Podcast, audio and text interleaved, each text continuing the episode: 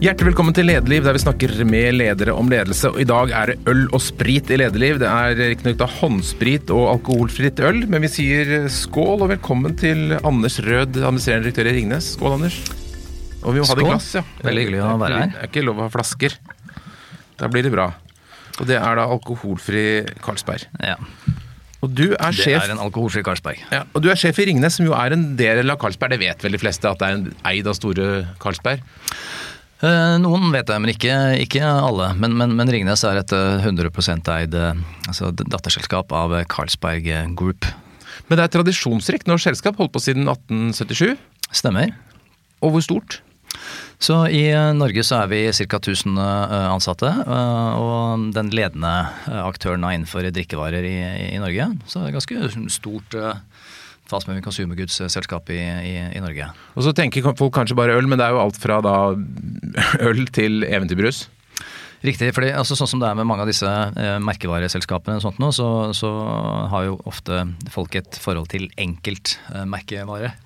Enkeltmerkevarer, og, og, og, og kjenner ikke eh, alle og avsenderen av, av, av de som sådan. Vi, vi, vi har jo merker som eh, som Carlsberg og Tuborg og Ringnes og Frydenlund og mange andre ølmerker. eh, Men også eh, brusvarianter som eh, Pepsi Max og Solo og Villa, Mozell og Mountain Dew og, og mange, mange andre. Og, og Farris og, og Imsdal, ikke, ikke minst. Og en rekke andre brands også innenfor forskjellige drikkevarer. Vi skal snakke mer om drikkevarer, så må vi snakke litt om korona og andre ting. Men, men la oss først starte med hvordan havna du i den sjefsstolen?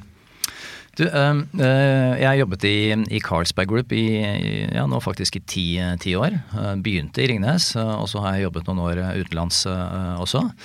Og så har jeg vært i den, den jobben jeg er i nå i en treårstid. Og i min bakgrunn så har jeg jobbet egentlig mest med fast moving consumer goods-selskaper. Uh, alltid hatt en veldig forkjærlighet for ting som du kan på en måte sånn ta og føle på, som du kan produsere, og som du kan, som du kan se og som du kan forstå. Um, eh, og, og det var også kan du si det i en kombinasjon med en sånn ganske sterk passion for sterke merker, som også da ledet meg til Ringnes for en, en, en ti års tid siden. Ja, for Du har vært i Kellogg's, du har vært i Tine, to ganger i Tine, og du har vært i, i eh, Storebrand. Storebrand var det eneste du ikke kunne ta på, da. Forsikring. Det er riktig. Så, så Storebrand var jo noe helt annet. Eh, Med, med, med sånn financial services, med, med, forsikringsprodukter og eh, fond og pensjonsløsninger etc. Også et veldig veldig spennende og annerledes selskap. Men det er faktisk ganske fascinerende, i hvert fall for, for, for meg som er en, en person først og fremst med erfaring fra nettopp produkter som du kan ta og føle på. Når du da kommer inn i en sånn tjenesteytende næring, så, så lurer du på i hvert fall de første dagene. Altså hvor, Hvor hvor, er er, hvor, er, fabrikken? Hvor er, det, hvor er det produktene lages? Og, og veldig mye av det i, en, eh, altså i, i finans, på samme vis som Telekom, så er jo det veldig sånn IT-styrt. kan si det er nesten IT-avdelingen blir på et vis eh, fabrikken, da. Hvis du skal oversette det inn i en eh, FMCG-kontekst. Så, så veldig, veldig annerledes. Men, men flest år, øh, øh, Ole, har jeg i, i Fast Moving Consumer Goods. Og det er jo veldig kult å være en del av et selskap som Ringnes, da, som, har, eh, som, som alle egentlig har et forhold til.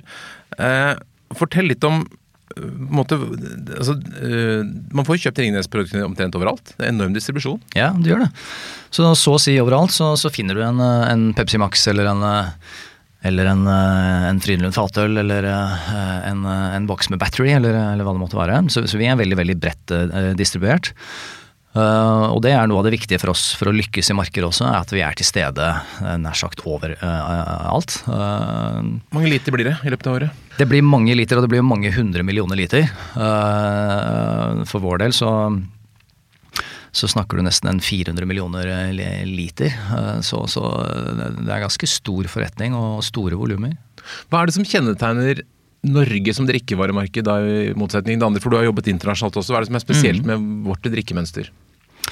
Så eh, I Norge så er vi, altså sånn som de nordiske og de nordeuropeiske landene, så er vi så typiske altså sånn ølland, som har et sånt relativt høyt konsum av, av øl. Langt fra høyest i Norge, hvis du sammenligner med Danmark eller Tsjekkia og Tyskland osv., men likevel høyt. Uh, og, så, drikker vi mye brus i, i Norge, eh, spesielt, Pepsi Max. Uh, og vi er det, det landet i, i verden altså hvor man sånn soleklart også da drikker mest eh, Pepsi Max. Uh, så, så, et sånt generelt ganske høyt konsum av mange av de drikkevarene som du da eh, kjenner da, ifra, ifra, Ringnes som selskap. Det med Pepsi Max er en liksom seier for Ringnes. for I alle år så var det liksom Coca-Cola som var den største, men nå er Pepsi Max størst? er det ikke det? Brønner jo, nå er Pepsi Max uh, den, den, største brusvarianten da, i, i, Norge. så å si eneste landet i verden. Det er noen få land til hvor det også har skjedd nå i det, i det siste. og eh, Drevet egentlig av to ting. Drevet av, av, av, god smak. altså Det er en colaen som eh, ganske enkelt av folk prefererer. Men også det at den er sukkerfri. Uh, og, og, Der er det en utrolig endring i markedet i, i retning av nettopp sånne sukkerfrie og sunnere produkter. Uh, og Det er noe vi ser i forhold til alt vi, vi, vi selger. også, sånn som Nå sitter vi her med en øl, men den er alkoholfri. Eh, og, og, eh, Der også så ser du et skifte i forhold til at folk eh, i stadig større grad vil ha alkoholfrie varianter og lavalkoholholdige løsninger egentlig på tvers av alle alkoholsegmenter. Så folk blir sunnere og sunnere? Folk blir sunnere og sunnere, og det gjelder også drikkevarer. Men dette med Pepsi Max er ganske artig, fordi at det er vel blant de få land i verden hvor Pepsi er større enn Coca-Cola. Hva har liksom vært trikset? Hvordan har dere klart det? Jeg tror um, trikset, uh, sånn som uh, er tilfellet for mange sånne vellykkede brands og, og du nevnte i sted forskjellige steder hvor jeg har jobbet, Sol, og jeg, jeg, har jo jobbet veldig mye, eller gjennomgående med sterke merker. Det er på en måte det som er min, min passion i yrkeslivet. altså Jobbe med sterke brands og også ha organisasjoner som, som utvikler sterke merker. Og, og, og, for Pepsi og Pepsi Max-merket i Norge så har noe av resepten der vært uh, altså konsistens. Altså at du på en måte forteller den samme historien uh, igjen og igjen, år etter år etter år. Og ikke endre strategi underveis, som er tilfellet for veldig veldig mange uh, merker. altså Kjente eller ukjente. At du, du, du stadig finner på noe nytt. og det altså hele tiden finne på noe, noe nytt og annerledes og legge en ny strategi, det er, kan du nesten si at det er sterke merkers verste fiende.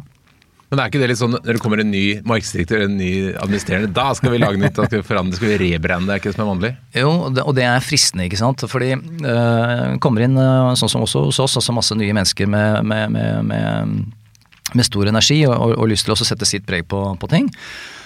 Uh, men samtidig, da, hvis ikke du passer på og nettopp har en god konsistens og en, en, en, en slags grunnmur her, da, som, som som beskytter merkene for litt for uh, overivrige uh, merkevaresjefer eller, eller annet. Uh, så, så, kan det gå helt gærent. Altså. Så, så, vi legger veldig vekt på det at vi ikke skal forandre for mye. Du må selvfølgelig hele tiden passe på å modernisere kjente merker, altså som Solo f.eks. Men, men ikke gjøre det mer enn at det mister sin sjel og personlighet. Men det har skjedd noe nytt òg. Det har kommet noen nye altså litt sånn energidrikk og, og, litt sånne rare ting. Eller ikke rare ting, men, men noen nye nyvinninger på drikkevare. Masse, og det, det, skjer masse nytt på, på drikkevarefronten. Så det er ikke sånn at alt bare skal være sånn som det har vært før. altså På, på ingen måte. Uh, og det er, det er, store endringer år for, år for, år. altså Energidrikker har blitt uh, stadig større. Og energidrikker som kanskje startet med noe som ble konsumert mest av sånne uh, av spesielt gutter sånn 15-16-17 år, så har blitt mye mer akseptert egentlig blant uh, alle. Uh, både kvinner og menn, uh, unge, unge gamle. og som finnes i et hav av forskjellige varianter og et hav av forskjellig smak smaker. Så en kjempestor utvikling også på, på, på det området. Men jeg jobbet med Ringnes en del år tidligere, og da var det stadig sånne lanseringer. Og så kom det oi, nå har vi funnet på noe helt nytt, nå skal det være klar brus eller skal være et eller annet sånt nytt nå. Og så går man i markedet og tenker på oi, det, vi har for enorm salgsvekst, vi har vokst 100-400 siste måneden og sånn. Men så, så en par halvt år etterpå så er det borte. Mm. Det er mye av det òg. Det er masse av det, og det, det bruserer jo sånn, sånn i hele, i hele dagligvarebransjen som sådan. Og, og folk leser jo også nå Eh, du kan se det med stadig større oppmerksomhet, disse testene som gjøres bl.a. i VG, med terningkast på nye produkter og sånt noe. Så det nesten blir som en sånn lansering av eh, Nesten som et show med, med, med, med litt entertainment i forhold til det som kommer av eh, slipp av, av nye spennende ting. Det syns jeg egentlig er veldig morsomt, at det er såpass mye oppmerksomhet rundt, rundt, det. Men det er klart at alle disse nye variantene de overlever jo ikke nødvendigvis eh, sånn kjempelenge. Eh, men eh, heldigvis, noen gjør det og setter seg godt og blir i markedet for lang, lang tid. Men det er en ganske høy sånn churn eller rullering på, på mm. mange av disse nye tingene. Og spesielt gjelder det sånn, altså nye smaksvarianter. Ikke sant? Altså, vi snakket om Pepsi Max nettopp, som jo har vært på markedet tidligere med en ingefærsmak eller med en, en kirsebærsmak osv. Uh, og for lenge lenge siden så var det kanskje noen som til og med husker en, en Pepsi-variant som, som, het Crystal, som var, som var transparent. Uh, og ingen av disse tre variantene fins jo, jo, lenger. Men det er på en måte en del av gamet at man må prøve sånne ting? Ja, du må også for, i forhold til at uh, folk har ofte en, en viss lojalitet også til, til kjente, sterke merker som de blir, som de blir glad i. Og, og, og, noe av ansvaret vårt også da som, som, som leverandør og produsent og ivaretaker av disse kjente merkene, er altså sørge for at det er nok litt sånn excitement rundt det. Da, at det skjer noe nytt, og at du, du engasjerer folk i i, i brandet og får de til å prøve nye ting. Kanskje liker de det, kanskje liker de det ikke. Uh, men uh, det skal være et litt sånt uh, krydder på toppen. Hva er en typisk prosess før man lanserer et nytt produkt? Altså, hvor mye tenking ligger det bak før det kommer noe nytt? Det, det, det, tror jeg faktisk ville overraske ganske mange sånne folk på gata, hvor, hvor, mye jobb som ligger bak en del av disse lanseringene. Altså det er masse testing, kjempelang prosess i forhold til masse som skal utvikles. Så, så, så det, det, tar det kan ta alt fra tre måneder til kanskje to år, eller tre år for den saks skyld. Men ganske tid- og ressurskrevende å, å, å, å, utvikle disse merkene i forhold til nye varianter av det som du ser av smaker, men også helt nye brands. for den saks skyld. Og Hvor mye bestemmer dere i Norge, og hvor mye får dere liksom beskjed fra København at nå skal dere sånn og sånn? Det, i, altså Carlsberg Group, som er et veldig stort uh, system med, med, 50 000 mennesker over hele verden, så, så, så mm, er likevel eh, setupet sånn, og, og, kulturen egentlig sånn i Carlsberg Group, at ting er veldig desentralisert. Så, og, og det følger også det, det faktum at veldig mange av merkene våre er lokale. Så det er klart vi har store, kjente brands eh, som f.eks. Carlsberg og Tuborg og 1664, som sikkert også mange kjenner. Eh, men eh, ellers er jo de fleste av merkene våre norske. Og ølmarkedet er kanskje også noe av det som er mest lokalt. Som er veldig sånn nært folk. Og ikke bare nasjonalt, men også regionalt eller helt lokalt. Og da sier det seg selv at det kan du ikke styre fra et hovedkontor i København eller i Sveits eller et, et, annet, et, annet, sted. Så, så dere får holde på som dere vil? Så, så merkene de, de, de handles eh, i veldig stor grad eh, lokalt. Hvordan blir Norge sett på? Er det, er det bra? Eh, er Ringnes et bra Er dere flinke i forhold til alle de andre Carlsberg-selskapene? Ja, altså vi, vi, Ringnes har gjort det veldig, veldig bra og er en uh, viktig del av, av Carlsberg Group. Uh, og vi har også en veldig stor merkeportefølje i, i, i Norge. Så jeg tror absolutt vi blir sett på som en veldig solid bidragsyter inn i, inn i dette store globale konsernet. Men det som er spesielt i forhold til, med deg og i forhold til andre merkevarebedrifter, er jo at veldig mye av det du har, har alkohol, og da har du ikke lov å reklamere for det. Ja. Mm. Hvordan markedsfører man et produkt som du ikke har lov å markedsføre?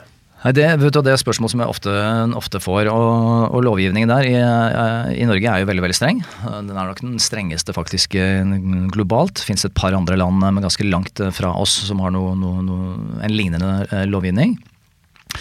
Men vi har, vi har full respekt for den, den, lovgivningen som eksisterer, forholder oss til, til, den. Og det innebærer at ikke du kan markedsføre ølprodukter eller andre alkoholholdige produkter i, i, i Norge. Og det vil si at du kan si sånn Produktet i seg selv blir kanskje enda mer viktig.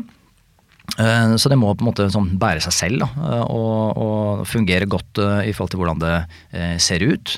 Og hvordan pakkens eller emballasjens funksjonalitet er. Og sist, men ikke minst, hva som er oppi flasken eller oppi boksen. ja, det, det, til syvende og sist er jo det som kanskje er det aller viktigste selvfølgelig også da også for, for konsumentene. ikke sant? Altså hvordan, hvordan smaker det brygget, hvordan er kvaliteten, hvordan er holdbarheten etc. For dette er et skikkelig fag. Du har noen ordentlige nerds som driver brygger? Eh, vi, vi, vi, vi, har masse ekstremt ølinteresserte mennesker som jobber hos, hos oss. Veldig veldig flinke bryggmestere. Mange av de har vært der i, i kjempelang tid. Og med en utrolig passion for det de, det de driver med. Veldig veldig flinke altså rett og slett altså håndverkere. da. Uh, og det er veldig gøy å se altså, altså, bryggere rundt omkring i landet som har et ganske sånn uh, tett og godt uh, samarbeidsforhold også på tvers av, av, både de små og store bryggeriene. og jeg tror også veldig på det, dette med at du, du i den bransjen vår også, at vi trenger på en måte hverandre. Altså Vi som er store, trenger de små, og også vice versa. For det som har skjedd innenfor øl i Norge de siste årene, har vært helt fascinerende med en, en kjempevekst eh, i forhold til interessen rundt, eh, rundt, øl. Og et totalmarked som sånn sett har vokst for både, både, små og store. Og det er veldig veldig spennende å se at interessen for øl på en måte har blitt noe av den samme som du ser for, for vin tidligere. Ikke bare i Norge, egentlig litt sånn anført av, av, av USA. og så lå i Norden Sverige litt foran oss. Men, men det er en utrolig interesse for, for, øl, og jeg er veldig imponert også over folk som, som, som jeg møter til, til, til stadighet, som har en altså, utrolig kompetanse om, om, hva de, om hva de drikker. Og så snakker man om, altså Øl består av malt humle, gjær og vann primært. Og, og, man snakker om gjærstammer og sånn. Det, det, er ganske lange mm. historiske røtter på en del av produktene òg? Veldig. Veldig. Og der, der, har du varianter som har Uh, altså som har uh, gjærstammer som har vært bevart og som har vært intakte i generasjoner. altså Sånn som for uh, Frydenlund-merket f.eks. Hos, hos oss. Så har den en helt distinkt gjær som gir en sånn karakteristisk smak. og, og den, det er på en måte en, en, en, hemmelighet akkurat ved, ved, ved, resepten, og at du holder da den, den gjærstammen intakt over så så lang eh, tid, og bare gjør bitte, bitte små forandringer underveis. og Hvis man leser i Ringnes historie, bl.a. på hjemmesiden deres, så, så står det blant annet om en doktor Sopp som yeah. var opptatt av gjærsopp. ja, det er riktig. ja. Hvem var han? Du, han var eh, altså, en av de viktigste personene som vi har hatt i vår eh, sånn 140 år lange eh, historie. Helt kritisk ressurs nettopp i forhold til både utviklingen og fine-tuning på nettopp gjærstammer. da. Så han het jo ikke Dr. Sopp opprinnelig, men han fikk det navnet, og det beholdt han til sin, til sin død. Men både han, men også noen lignende personer også i, i Carlsberg Group, som også var uh, kjent for nettopp også uh, nettopp for sin utvikling, for sin teknologi, da, sånn tilbake til, til 1800-tallet, og har beholdt det den dag i dag. Også nettopp også uh, utvikle helt spesifikke bærekraftige gjærstammer. Og som man da, på 1850-tallet, også delte med andre bryggerier. Ganske morsomt. altså Vi har et brev i, i Carlsberg Group som er mottatt fra Heineken som takker da for eh, den gjærstammen som de fikk fra, fra Carlsberg på, på 1800-tallet. Men det gjorde da at eh, alle bryggerne klarte å lage et, eh, et, et, mye mer sånn bærekraftig øl, rett og slett, med en, med en, annen holdbarhet og en helt annen kvalitet og med mye mindre infeksjoner. Så mye, som spennende, mye spennende som skjedde, selv om det er lenge siden. Og det å dyrke ølkultur, det er en del av det dere driver med? da? Det, det, er det. Altså, jeg, gjennomgående jeg er veldig opptatt av, av kultur også i en ledelseskontekst. Og selvfølgelig er det også det i, i Carlsberg Group og i, i, i Ringnes. Altså i, i, Ringnes, litt på, på, samme vis som også da i, Carlsberg Group, så er det uh, Altså vi, vi, vi, er bryggere. Vi, vi, er tradisjonelt et sånt uh, som du kan tenke deg bryggeriindustrien. altså Litt sånt eh, ikke, ikke, ikke macho, men et litt sånn direkte rake pucker, eh, no bullshit-type type selskap. Eh, og sånn er vi egentlig på tvers av, av land. Vi tilstreber, og er spesielt opptatt av det i Norge også, altså minst mulig byråkrati, færrest mulig nivåer. Rake pucker, direkte meldinger. Og på en måte ivareta noen gamle bryggekultur, da, som du også ser i Du går ikke sånn skinnfløyte på jobben? Sjelden, i hvert fall. Men det, det, at du er blitt uh, toppsjef i Ringnes, som, som, da tidligere markedsdirektør kom fra markedssiden, det er ja. det vanlig? For ofte så har jeg inntrykk av at det er uh, finansfolka som kommer til topps? Ja, det, sånn er det jo i veldig mange bransjer, ikke sant. Og ikke minst, du nevnte jo Storebrand, hvor jeg jobbet, jeg var i konsernledelsen der i noen år. og det, Der var det ingen tvil om at du kan si sånn, automatikken der var at CFO-ene var de som som aspirerte også til CEO-jobbene. I, i, eh, i, i, vår kultur, og sånn som det er hos oss, så, så er det gjennomgående altså de kommersielle, enten folk fra, fra markedet eller salgssiden som også da eh, innehar etter hvert også da CEO-jobbene. Mye fordi at vi er altså, gjennomført kan du si, kommersielle, rett og slett, da, i, mm. vårt, i, vårt, tankesett. Så for oss er det naturlig i og med at vi er et veldig veldig salgsdrevet merkevareselskap. At de som rekrutterer oss inn i de mest sånn seniorjobbene, eh, eh, har bakgrunn enten fra brand eller salg. Mm. Eller veldig gjerne begge deler. Men Dere har jo en lang verdikjede fra å produsere og dere distribuerer og får det ut i butikken og, og selger. Men, mm. men, så vidt jeg forstår så er det, liksom, det er salget som er den store utfordringen. Det er ikke, det, det er ikke liksom produksjonen som holder deg våken om natta? Altså det, det, si, det, er jo utfordringer i hele, verdi, hele verdikjeden. Uh, men uh, sånn som det er innenfor fast moving consumer goods, så, så, er jo på en måte det som skjer i, i frontlinje utrolig viktig. Uh, og det å på en måte ha styr på, på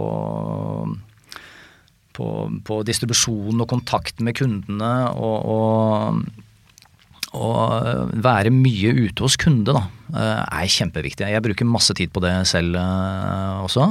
Og Når du sier kunde, så er det butikkjeder og, og serveringsfolk? Ja, så, så, vil jo det være altså de, de, de store dagligvarekjedene, da, sånn, sånn som uh, Rema, Norgesgruppen og, og Coop. Og deres respektive kjeder igjen. Og da møte de selvfølgelig sentralt, men, men selvsagt også ute på et butikknivå. Og så har du akkurat det samme egentlig i utelivsbransjen. da. Eh, som jo i en sånn kontekst kan være alt fra hoteller og hotellkjeder til festivaler, eh, altså sånn som Øyafestivalen f.eks., eller mm. Palmesus i Kristiansand. Til eh, alle mulige forskjellige puber, barer, restauranter, nattklubber osv. Mm. Produksjonen deres det foregår i veldig stor grad på Gjelleråsen utenfor Oslo og nå i Trondheim? Ja, så vi, vi brygger i, i, Trondheim på en Esedals bryggeri, og så brygger vi på, på, på Gjelleråsen. Eh, der har vi også en produksjon av forskjellige eh, brusvarianter. Eh, og så har vi Farris nede i Larvik. Også Imsdal oppe i Østerdalen. For det tror jeg ikke mange vet hvor det er. Det, det er et lite sted. Nei, det, det, det skal du lete. altså Det ligger jo helt oppe sånn ved foten av Rondane. Ganske sånn for seg selv. Ganske idyllisk, flott sted. Langt, langt av gårde. Det er ikke et sånt sted som du typisk bare kjører forbi. du, du, var jo da i Ringnes og så, som markedsdirektør, og så dro du ut og jobbet i Carlsberg i, i Danmark. og Så kom du mm. tilbake og fikk jobben som administrerende. Hvordan tenkte du når du skulle overta den stillingen? Hvordan sjef skulle du være? Uh, Litt sånn bakteppe eh, for det var at eh, jeg kjente selskapet ganske godt. Så jeg hadde jobbet eh, i Ringnes først som, som markedsdirektør i en, tre-fire års tid. Og så hadde jeg også i den rollen jeg var i som, som kommersielt ansvarlig for Carlsberg sin virksomhet i Vest-Europa, også mye kontakt med den norske virksomheten. Så, sånn sett så var det ikke eh, nytt for meg hvordan ting fungerte. Eh, men jeg hadde til, til, til spørsmålet likevel ganske mange tanker rundt det, fordi Det er noe annet å være sjefen? Uh, definitivt. Ja. Uh, så, så, i forhold til rollen i seg selv, men også så tror jeg det er sånn at du, når du går inn i en ny jobb, så må du, så må du gjøre en ganske grundig assessment og vurdering i forhold til altså, hvor, uh, hvordan står det egentlig til her. hvordan er posisjonen til hele denne virksomheten, hvordan er kulturen her, hvordan er de, de, de folka som du da har nærmest i ledergruppen. Uh, og det siste var kanskje noe av det viktigste også, i forhold til å virkelig sikre at jeg hadde et godt team. Kjente mange av de menneskene også ifra, ifra før. Men øh, når jeg gikk inn i dette, sånn, så var jeg veldig opptatt av kan du si, strukturen og av ledergruppen min. og hvordan vi skulle få egentlig en, en, strategi som var allerede sånn rimelig godt uh, predefinert. Som ikke trengte en sånn fullstendig overhaling, for å si det på den måten. Men hvor, hvor, fokus egentlig først og fremst var på, på, på å gjennomføre strategien. Fordi det jeg mener at ofte eh, kjennetegner altså sånn strategijobbing, og jeg har hørt på noen av disse podkastene dine før her også, Ole, så snakkes det ofte mye om det. Og eh, inntrykket mitt er at eh, liksom, man prater mye om, om, strategi og kompleksiteten rundt det, men kanskje litt for, mye, litt for lite rundt gjennomføringen av den. Fordi hvis du sammenligner ofte altså et strategidokument, og for store internasjonale konserner, så er ofte de, de er tilgjengelige på nett. Du kan bare se på en sånn Capital Markets Day-presentasjon eller noe lignende, så vil du se hva, hva som liksom er strategien for, eh, for selskapet A versus B. Uh, og Ofte så kan det være veldig mange fellesnevnere. Og Det som skiller egentlig hvem som da vinner i markedet, det er evnen til å faktisk gjennomføre den strategien. Uh, og Tilbake til det som vi snakket om litt sånn innledningsvis da, så må du være ganske opptatt av å forstå hvordan selskapet virkelig fungerer. Eh, hvordan er eh, kvaliteten på de menneskene som du, du, du har i organisasjonen. Eh, og så må du sørge for at du har nok ressurser ute i frontlinja. Altså de som møter, de som møter kunder. Og sånn sett altså for, for, min del, det, det blir også da de, de aller viktigste menneskene vi, vi, vi, har, egentlig. Altså de som er altså key account managers, og, og, de som er eh, regionsansvarlige, og de som er eh, selgere der ute. Det er de vi virkelig, virkelig må, må, må, må passe på, og at vi, vi, har eh, de aller, aller beste menneskene på det nivået der for, for å lykkes i markedet. Når du har sagt de beste menneskene flere ganger, betyr det at du legger mye arbeid i rekruttering? Vi legger veldig mye vekt på, på rekruttering. Jeg bruker masse tid på det. Jeg er en veldig stor fan av interne rekruttering, så vi gjør det alltid hvis det er mulig. Men noen ganger så trenger vi noe nytt blod, eller vi har noe kompetanse som vi mangler. Og da, da går vi eksternt. Og jeg, jeg syns også ofte at Eh, en fin vurdering også når man har vært gjennom intervjuer, og vi har ofte gjerne mange intervjuer, og vi, i kombinasjon selvfølgelig også med, med, med, med tester. Så så har vi gjerne en ambisjon og et håp for den personen som vi ansetter, at den har potensial til å kunne øh, gå videre. Ikke bare ett nivå opp, men også faktisk gjerne to. Uh, og er vi i tvil i forhold til en kandidat, så ansetter vi ikke. Uh, da tar vi heller det som medfører i forhold til ekstra uh, arbeidspress og, og, at vi må utsette noe, for å ikke ansette noen som vi tenker at ikke vil passe inn i vår kultur eller ikke vil fungere i rollen. Hva er de viktigste egenskapene som du ser etter?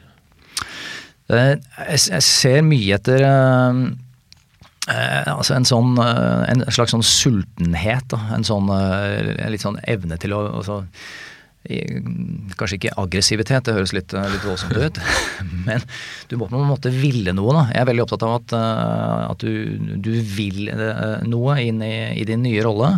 Og spesielt i en lederkontekst. Så, så, så mener jeg at du må du må ville noe. Ledelse er i veldig stor grad å, å, å ville noe. Eh, jeg har fortsatt sansen for eh, det gamle ordtaket til Olof Palme om at politikk er å ville. Jeg mener også at ledelse er å, er å ville. Eh, så, så, vi ser veldig etter, etter, det. Og så ser jeg også faktisk i, i en intervjukontekst, og igjen så Nå er vi et, i, i en sånn type bransje hvor vi jobber med ting som du kan ta og føle på. Og i intervjuer som sådan så ser jeg ofte på kandidatenes liksom, evne og vilje og interesse for noen av de flaskene og boksene som står på bordet. Vi har mm. selvfølgelig hos oss alltid da masse Solo, Farris Simsdal eller alkoholfri Carlsberg eller hva det måtte være, stående på bordet. Og Da ser jeg ofte at noen kandidater, gjennom at de, de, er nysgjerrige, de er offensive, så går de på en måte rett hen mot den flasken, leser varedeklarasjonen, åpner korken eller boksen, og så snur og vender på det og smaker og har på en måte meninger om det. Det liker jeg veldig, veldig godt. Uh, jeg skal ikke si, Det er ikke så mye science bak det, så jeg kan ikke si at det er de kandidatene som lykkes best. Du ser et engasjement, rett og slett? Du må ha et engasjement. Ja. Du må på en måte være ganske Du må være på, du må være offensiv. Du må, du må ville noe. Og det siste tenker jeg at det er spesielt viktig også når vi ansetter ledere. Du må, du, du må virkelig Du må ville noe, da. Og du må mene noe.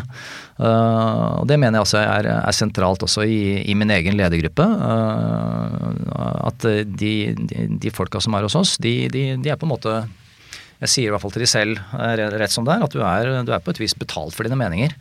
Uh, og så er det ikke alltid at vi er, vi er enige, men det er veldig viktig at du, du får meningsbryting, at du har synspunkter, at du, at du vil noe, og at du mener noe. Så hvis man på en måte sovner borti kroken, så er man i fare for å bli kasta ut? Uh, I sentrale lederstillinger så må jeg si ja til det. Mm. Men jeg vet at du bruker veldig mye tid på å snakke med folk? Altså, mm, jeg gjør det. Hvor, mye tid, hvor mange snakker du med av de ansatte i løpet av året? Du, eh, jeg treffer, eh, jeg treffer disse regionsjefene som vi, som vi har da, i salg, både på dagligvare og utelivet. De, de, de, snakker jeg med og treffer jeg ganske ofte. Eh, nå i disse koronatider så blir det litt mindre reising, dessverre. Så det blir mer sånn at jeg har faste tider for, for calls med de. Uh, selv om ikke de, de, de, rapporterer til meg, så er de på en måte sånn det viktigste sånn øret ned mot bakken for å, for å skjønne hva som foregår uh, ute. Og jeg syns det er utrolig stas å, å prate med de. Uh, ellers så, så, har jeg en, en, en slags rutine, jeg, og det, jeg er ganske glad i rutiner. Det kan høres litt kjedelig ut, men, men, jeg mener at rutiner er ganske viktig i ledelse. Du må ha noen sånne uh, faste ting, noen, noen, ting som repeteres, for da blir det også lettere å forstå og lettere å lese. Uh, og jeg har én-til-én med alle de som rapporterer til min ledergruppe to ganger i året. Hvor mange er det? Det er ca. 50 mennesker. Ja. Så det er ganske mange personer, eh, og det tar eh, tid. Eh, Hvor mye tid bruker du med hver? Jeg bruker halvannen time på hver. Hver gang. Så kan du så på en måte bare gange opp. Halvannen time med 50 personer to ganger i året? Ja. Og, så det blir mye tid. og det er en prioritering. man skal være ganske selektiv med tiden sin, selvfølgelig. og jeg har funnet ut av at det er noe som gir meg veldig mye verdi. fordi jeg tror du som leder eh, så må du, du må skjønne virksomheten din, eh, og du må forstå også hva som er, er potensial og hva som er muligheter. Så når jeg snakker sammen med disse, disse topp 50 i denne gruppen som jeg snakker om her nå, så, så, så er det ut fra, fra en ganske sånn tydelig definert agenda. Ja, hva er agendaen? Som de får, på, får i forkant. Og sånn, litt sånn enkelt fortalt så er det en sånn, en sånn start, stop, continue for, for virksomheten. Mm -hmm. Og så er Hva mener du med det? Altså hva, hva bør, bør, vi som virksomhet eh, starte å gjøre, hva bør vi fortsette å gjøre, og hva bør vi stoppe å gjøre? Uh, som de aller fleste har noen ganske klare oppfatninger rundt. Uh, og da er jeg veldig opptatt av å få klare, tydelige synspunkter. Det som uh, blir sagt, det blir da mellom oss. Og det vet de, og det kan de være trygge på. og så, er jeg opptatt av også å få høre helt konkrete forslag til, kan du si, vekstinitiativer. Og det å fange opp det og høre på det fra ulike funksjoner, enten du jobber i, eh, altså som brygger, enten du jobber i finans, eh, som, som en regionssjef i utelivsbransjen, det er veldig veldig spennende å høre på. I hvert fall systematisk, og jeg, jeg samler inn og, og, er veldig nøye på å på en måte systematisere det jeg får inn av, av, av informasjon fra denne gruppen her, sånn, så er det kanskje det viktigste underlaget jeg har også, for å kunne Eh, sette en riktig agenda for ledergruppen min også for selskapet fremover. Men blir ikke det litt vanskelig for ledergruppen din at du snakker med deres underøyde? og, og, til og med anonymt? Altså, kan ikke det føles litt ubehagelig for en, en direktør at du liksom er både over og under? Nei, vet du, det, Jeg er veldig åpen på hvordan det fungerer. Så, så min ledergruppe vet nøyaktig uh, hvordan dette virker. De vet hvilke spørsmål jeg stiller og, og, og, hvordan det fungerer. Så ingenting her foregår i det, i det skjulte. Og da går det veldig greit. Jeg er også veldig opptatt av at i de samtalene så skal ikke det være noe som handler om Altså, å snakke ned andre kolleger eller, eller eller sånn som blir en, en prat om, om, om, andre folk som sådan, eller klaging. Så, så det, egentlig, det, fungerer egentlig veldig uproblematisk. Men jeg tror nøkkelen for å få det til å, til å virke, da, og jeg har veldig respekt for at en sånn type mekanikk ikke fungerer for alle, men det er, det er rett og slett åpenhet om at man gjør det. Og så ellers tilbake til det punktet jeg nevnte om rutine, at det er noe som da gjøres ikke sånn plutselig som sånn det kommer som et sjokk, men at det er på en måte en del av en sånn er jo en sånn fast årlig drill som, som i hvert fall jeg har for, for hvordan, hvordan kom du på dette? Eh, jeg, en mekanikk som er litt sånn, sånn, finjustert litt opp gjennom årene. Men jeg hadde en, en leder en, en, gang som gjennomførte noe, noe lignende. Eh, og eh, jeg ble inspirert av, av, det, og så har jeg på en måte adoptert det og så tilpasset det litt i forhold til sånn som det passer best for meg. Hva tenker du er viktigste verdien som du får ut av det? Eh, først og fremst å igjen også, også forstå eh, selskapet, og så ganske raskt ta action på ting som jeg ser at eh, dette her er dysfunksjonelt. Og så ikke minst dette med gode ideer i forhold til, eh, til nye vekstinitiativer. Mm. Så de føler ikke ubehagelig liksom bli kalt inn på teppet hos toppsjefen? Eh, nei, jeg tror kanskje Nå, nå i Ringnes så har jeg gjort dette her nå i, i, tre år, og jeg tror kanskje sånn første gang så, så kunne det kanskje fremstå som litt rann, øh, eksotisk. men, men, øh, men, men, nå er på en måte alle vant til det. Altså det, det, er ikke noe, det, er ikke noe, rart med, med det. Og de alle sammen altså gjennom at de får liksom sånn spørsmål i forkant også, som regel alltid også veldig godt forberedt og har mm. tenkt grundig gjennom det, og så bruker det som en anledning til å kunne kunne flagge synspunkter. Mm. Er dette noe som gjøres andre steder i Karlsberg òg, eller er det spesielt for deg? Nei, det, det, tror jeg ikke. I hvert fall ikke så vidt meg bekjent. Så det er nok mer en sak som vi gjør bare her hos oss. Hadde det fungert? Altså, du vet jo litt om andre lands arbeidskultur. Ja. Hadde, hadde det fungert en del av de andre markedene dere er i? Eller er man avhengig av den liksom flate tillitskulturen? Jeg, jeg tror noe sånt nå fungerer faktisk mye bedre i Skandinavia da, ja. enn det det kanskje ville gjort i, i noen land, eh, kanskje i Øst-Europa eller eh, hvis du drar til Asia noen steder. Men jeg, jeg, jeg, tror at noe sånt noe Igjen i forhold til at hvis du bare har forutsigbarheten da, og, og, og, åpenheten, uh, så er jeg sikker på at det kunne vært gjort i, i, andre, uh, i andre, land også. Mm. Klarer du å komme på noen eksempler på ting som du har forandret etter uh, å ha hatt sånne runder? Ja, altså helt klart. Noe som ofte kommer opp i, i den typen diskusjoner, handler om kompleksitet og unødvendig kompleksitet. Eh, og Eksempler har vært altså knyttet til eh, det som vi snakket om i sted rundt eh, innovasjon og produktutviklingsprosessen. Unødvendig kompleksitet der som har vært påpekt, som etterpå har tatt og ganske kjapt action på.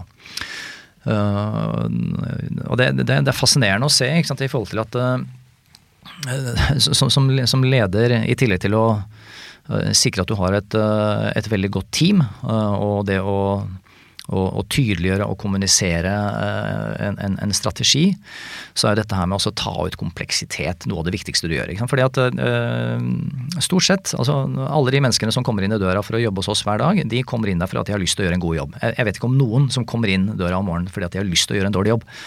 Uh, og da Uh, tror jeg du må hjelpe folk, sånn at de nettopp kan få gjort, uh, få gjort jobben sin. Det kan jo høres litt sånn banalt ut, men øh, det, det for en leder å ta bort mest mulig friksjon og støy og kompleksitet, unødvendige lag og nivåer og byråkrati, er noe av det viktigste du kan gjøre som, som leder, mener jeg. Så det å bare kutte til beina og få frem det som er viktig? på en måte? Ja, og, og da sørge for at du da har nok ressurser ute i, i frontlinja, i siste ledd, mm. og kontakten mot kunde. Et veldig viktig tema i, alle, altså i media og alle sammenhenger nå er jo mangfold. Ringnes har jo vært ganske langt fremme på mangfold, i hvert fall i, i, på Ja. produksjon. Vi, vi har det. Uh, vi har i, i, i veldig mange år hatt uh, medarbeidere, spesielt da i, i produksjon og distribusjon og lager osv., med, med, med en, en, en helt annen kultur enn den norske. Altså, så vi har hatt i i 15-20 år en ganske stor ø, ø, gruppe av våre medarbeidere fra Pakistan, en veldig stor gruppe fra, ø, fra Vietnam. og vi har folk fra et utall nasjoner. Jeg tror vi har opp mot 20 stykker på, på, på Gjelleråsen. Altså 20 nasjonaliteter, ja. Mm. Mm. Eh, Riktig. Og, og, og ledergruppen faktisk i, i produksjonen hos oss den kalles, sånn der, den kalles for United Nations. For det, det, er, det, er, det er vel knapt nok noen som er fra samme, samme land. Eh, Og det, det opplever vi at eh, er et, eh, et betydelig eh, asset for, for oss. At vi har folk fra fra mange forskjellige land. Jeg kunne godt tenke meg at vi hadde hatt flere også i, i, i ledergruppen vår og i, i, andre, i andre funksjoner. Og vi ser at det fungerer egentlig veldig godt i, i, i Norge med, med, å ha folk fra andre land, fordi at stort sett så er eh, både eh, de på kontoret, men også våre kunder er, eh, er helt fine med å snakke engelsk. Mm. Og veldig veldig åpne for, for andre kulturer. Mm. Men er det, tenker du at, at, det tilfører noe spesielt positivt til bedriftskulturen? At det er så mange nasjonaliteter og mange typer mennesker? Jeg, tilfører, jeg tror det tilfører masse positivt. Og så er det, det er definitivt ikke til å, til å Man skal ikke skjule at det, det innimellom så er det noen utfordringer. Uh, i, i, forhold til at en del som kommer til oss, syns at den, den, strukturen som vi har i, i, i Norge, med en kanskje en helt annen åpenhet. Kortere veier til, til ledergrupper og til toppen. Mindre hierarki og sånt noe kan være litt, litt merkelig. Og også det at så mange skal mene noe om veldig mye. Men jeg, har ennå ikke opplevd at noen ikke har blitt positivt overrasket over det. Mm. Men litt tilpasninger må, må, må ofte til. Mm. Hva er det som er de største utfordringene for Ringnes fremover? Altså, hva er det som dere bruker mest tid på å diskutere i ledergruppen og grubler mest på? Mm. Vi, vi, bruker veldig mye tid på å, på å diskutere vekst og vekstmuligheter. Uh, og, og, også da å diskutere uh, vekstmuligheter inn i, en, uh, inn, i en bærekraftskontekst, rett og slett. Og bærekraft for oss vil selvfølgelig si da altså knyttet til, til plast og emballasje. Men også i forhold til alkoholkonsum og i forhold til sukkerkonsum. Du kan si Det er de, de, de tre hovedpilarene som vi har innenfor vår bærekraftsagenda. Og Der ser vi at vi, vi er såpass store at vi kan gjøre en forskjell. Og vi kan ta ut et ganske betydelig volum av, av, spesielt plast fra totale norske konsumet liksom, av, av FMCG-produkter. Men også så har vi en betydelig påvirkning i forhold til sukkerkonsum. Det, er ikke, det, er ikke, få antall tonn som vi gjennom en veldig offensiv satsing på sukkerfri brus har klart oss å ta ut av det norske kostholdet i, i sum. Det er faktisk mm. enorme uh, tall. Uh, og så ser du nå den samme liksom, muligheten faktisk i forhold til alkohol ved en stadig større interesse for alkoholfrie produkter. Jeg syns det er helt fascinerende å se, og spesielt også da Det er veldig godt, blant, altså, det er jo kjempegodt. blant unge. Så skål for det, Ole. Vi sitter jo her og drikker en alkoholfri øl, vi òg. Men der hvor veksten er størst, og interessen er størst også nå for, for alkoholfrie ølprodukter, gjerne en del sånne litt avanserte nye typer, er blant, blant 20-åringer. Ja. Men dere lanserte jo for er det et par år siden kanskje, en ny, veldig miljøvennlig måte å lage sixpacks på, hvor voksne var limt sammen istedenfor at det var ja. den tradisjonelle plassen rundt. Det funka ikke? Nei, det gjorde ikke det. Kanskje noen av lytterne som, som har sett den, den, løsningen der også, med, med, med bokser. Altså det var Carlsberg ølbokser som var limt sammen. Med et helt sånn spesielt lim. Det var en ganske, altså, ganske radikal innovasjon, faktisk. Ja. og som testet kjempegodt. Og fikk en utrolig fin mottakelse også, og, og, også i, i, i, media. Ja, masse presseomtale og sånn. Men sånn som det er noen ganger, altså vi, vi, vi, lanserer masse nytt hele tiden, så ser du at noen ting sitter, og noen ting gjør det ikke. til tross for at det er grundig testet i forkant. Mm. og her sånn så, så så, så, opplevde du det som du typisk ser noen ganger, at eh, konsumentene når de på en måte er i, er i en test eller en lab-setting, sier at eh, dette var kjempebra, dette vil jeg prøve og definitivt kjøpe. Og så kommer du til butikk uh, og kjøpsøyeblikket da, og så enten så er det noe med funksjonaliteten, uh, eller så velger du noe, noe, noe annet av, av, andre årsaker. da. Folk er konservative? folk er ofte ganske konservative, altså. Men her sånn så var det også sånn at boksene var litt for vanskelig å, å ta fra hverandre. I og med at de var limt. Så det var vanskelig på en måte å knekke fra bare én eller to eller tre bokser hvis ikke du skulle ha seks stykker. Så uh, der hadde vi ikke gjort en god nok jobb i, i, i forkant, så vi lyktes ikke godt nok med det. Men den løsningen fins nå. Vi har kjørt den ut i noen andre land, og der fungerer den bedre. Men det er nok kanskje litt større grad fordi at i, i, mange andre land så kjøper du nesten alltid hvis du kjøper øl, så kjøper du en hel sixpack. Mm. Men i Norge, litt pga. prisen og avgiftene fordi at de er så høye, så kjøper du kanskje bare to øl istedenfor mm. å kjøpe mm. seks øl. Men uh, vi, prøver, vi, vi, prøver, igjen. Kanskje det kommer tilbake. Korona. Det har vel både vært litt sånn himmel og helvete for dere, er det ikke det? Jo, det er egentlig en ganske god beskrivelse, altså. Fordi Eh, det var ganske katastrofalt når øh, altså da hele Utelivs-Norge på en måte stengte ned kollektivt i, i, i, mars. Øh, hvor alle kundene våre kom i en utrolig vanskelig posisjon. Uh, og det var ikke sånn at de bare sluttet å bestille varer, de begynte også å returnere varer. Så det ble, ble på en måte et negativt uh, salg her på vårparten i år. Så Kjempevanskelig situasjon. Men, men, men, det var i uteliv. ja. Og så var det nettopp sant, et men, og det var jo utviklingen i, i dagligvare. og Begynnelsen en, en voldsom hamstring. Etter hvert så roet det seg, men, men salget i dagligvare har jo fortsatt å være veldig veldig høyt og veldig veldig godt. Og det henger sammen med grensen? Og det, det, henger jo bl.a. sammen med grensen. Eh, så det at grensehandelen har, har stoppet, det, det, det, er ganske Jeg må si nærmest sjokkert over å se hvor, hvor, hvor omfattende grensehandelen har vært. For det er jo ingen som har hatt noe faktiske tall på den. Og nå ser vi det jo helt klart og tydelig og, sort på hvitt. Du, du, ser nøyaktig hvor mange liter eller kilo som da kjøpes av ulike varegrupper nå på den andre siden av grensen. Det er enorme tall. Og også da eh, et, altså et, et, svært, svært stort eh, kan du si sånn avgiftstap, eller avgiftsprovenytap også, da. Mm.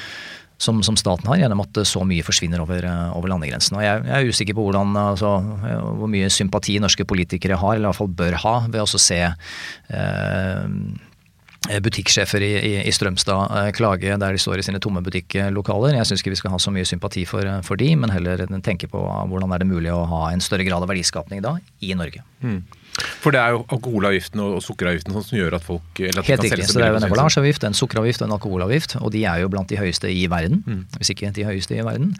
Og det stimulerer jo voldsomt da til, til, grensehandel. Så grensehandel har gjort at dagligvaremarkedet har blitt mye større for oss. Mm. Men det er jo også noe med det at folk har i disse tider kanskje også da kompensert med å hygge seg litt mer, og, og kanskje ta en, eh, en ekstra eh, brus om kvelden eller en, eh, eller en, en øl eller to for å, for å, hygge seg litt.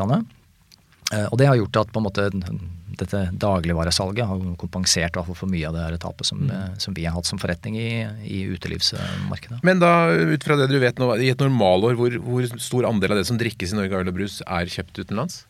Hva, tror du andelen grensehandel er?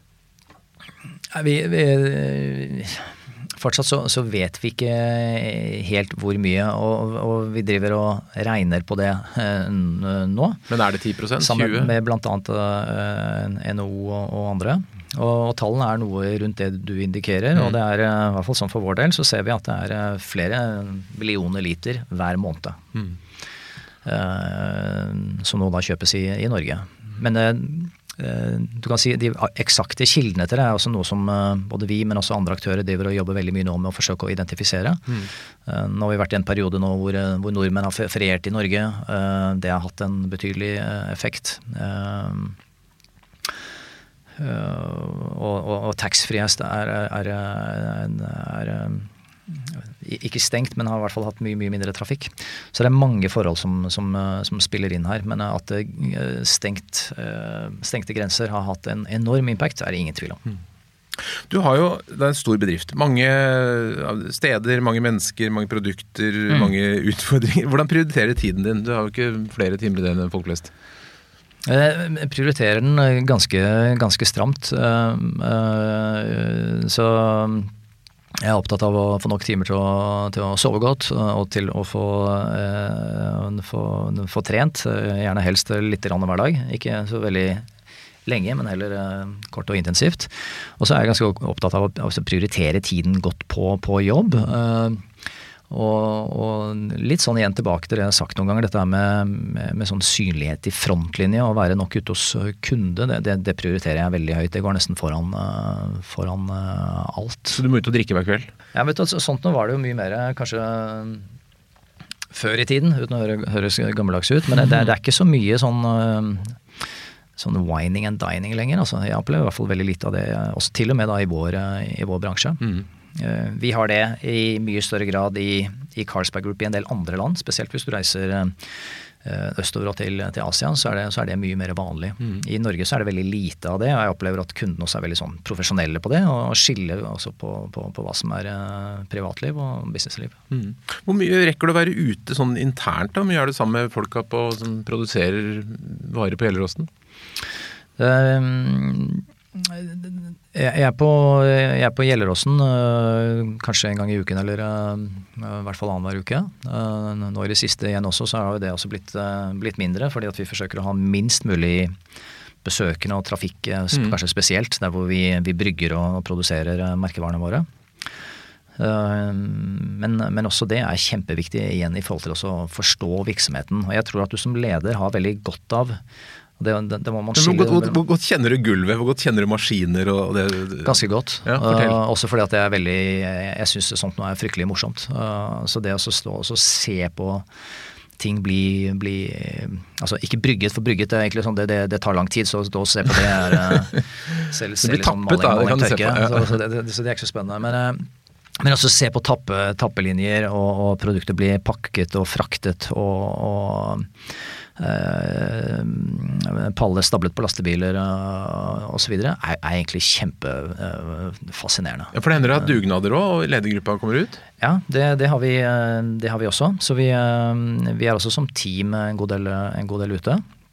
Og igjen, jeg, jeg mener at du, du, du, må ned i du, du, må forstå virksomheten godt på et ganske sånn ganske grundig nivå. altså. En av de, de største produksjonskolonnene våre, uh, den som produserer alt som er på boks, uh, den har jeg altså, selv vært med på å vaske ned. Uh, og da blir det jo kjent, om ikke med hver skrue og mutter, så i hvert fall de som, de som jobber der. og det, det, er veldig veldig nyttig. vi har i, i, i vårt selskap, selv om vi er en ganske stor virksomhet, så har vi et sånt uh, operationsmøte hver tirsdag morgen klokken ni. Uh, igjen, som til rutine. Som en rutine. ja, ja. Uh, og det prøver jeg å være med på hver eneste uke. Med mindre jeg har et kundebesøk. og det er ikke for oss å sitte og selv lede det, men Eh, rett og slett fordi jeg mener at uh, altså senior management må være til stede på, på, på sånne type mm. møter. Og vi er der stort sett i hvert fall halve ledergruppen. Uh, så salgsdirektørene, han som er min uh, CFO og, og, flere, er, er, er, med på disse møtene.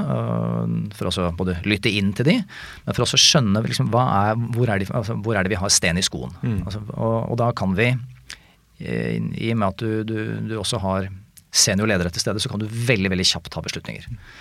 Uh, og vi, jeg, jeg, tror det vil være få hos oss ansatte hos oss som vil si at ting tar veldig lang tid.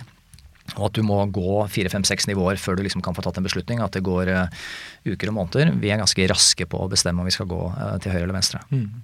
Hvis du ser litt fremover, hvordan ser Ringnes ut tror du om fem-ti år? Hva er det du håper skal være forandret, eller tror? Um, jeg, jeg, tror Eh, at, at, det vil skje fremover en god del i forhold til hvordan kan du si eh, folk får eh, både sånn varene hjem til seg, og hvordan sånn forbrukeratferd ellers vil bli i butikk, og det må vi, det må vi tilpasse oss. Mm. Men jeg, øh, samtidig så er jeg kanskje litt sånn konservativ der, i forhold til at jeg er ofte litt sånn lei av å høre på de som sier at alt vil forandre seg totalt, og at markedet vil være helt annerledes om fem eller ti år. Og kanskje i en såpass konservativ bransje også på en måte, da, som du kan si dagligvare er. Altså konservativ på en positiv måte. Med, med, med store volumer som som, som uh, rullerer gjennom uh, store kjedesystemer som er ekstremt profesjonelt satt opp, så tror jeg ikke det der vil se helt annerledes ut. Og, og, Vi snakket om merkevarer i sted også. Merkevarer har ikke godt av sånn å totalforvandles. Så jeg håper at opplevelsen av en, en Frydenlund eller en Solo eller en Farris vil være veldig lik også om noen år frem i, frem i tid. Og at ikke det da blir uh, helt annerledes enn i, enn, i, enn i, dag. Så du må på en måte bevare det som fungerer, og så må du tilpasse deg veldig mye i en sånn teknologikontekst. Uh, selvfølgelig. Det er kanskje det viktigste. Helt til slutt, Anders, hvis det kommer en ung person til deg og sier at jeg skal bli god leder, jeg skal bli sånn som deg, hva er de tre viktigste lederrådene du vil gi? For oss skulle kunne bli en god leder? Ja. Tre tips. Så tror jeg Eh, at du, punkt én, eh, må sikre deg å ha de rette folka på plass. Det er på en måte én. Uh, og, og, og, gjør det før du på en måte også setter en ny strategi eller gjør justering i strategi. Jeg tror det er viktig å ha de riktige folka på plass først, og så kan du gjøre noe med strategi. Så tror jeg det, det handler om å være Eh, ganske tydelig på, noen, på et nytt sett med, med, rutiner og hvordan du vil jobbe.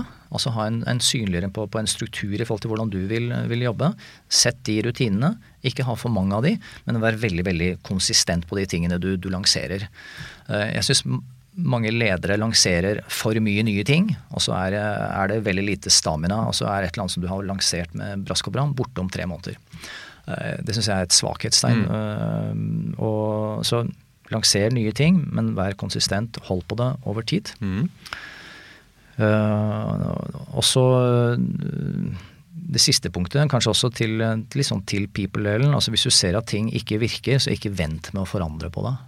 Gjør det, gjør det hurtig. Mm. Uh, og Eh, en, den, den rollen man er i, den, den er man stort sett bare i noen, et begrenset antall år. og Man har begrenset tid på seg til å kunne også levere noen, noen, resultater. og Da må du ha med deg de riktige folka på, på laget. Mm.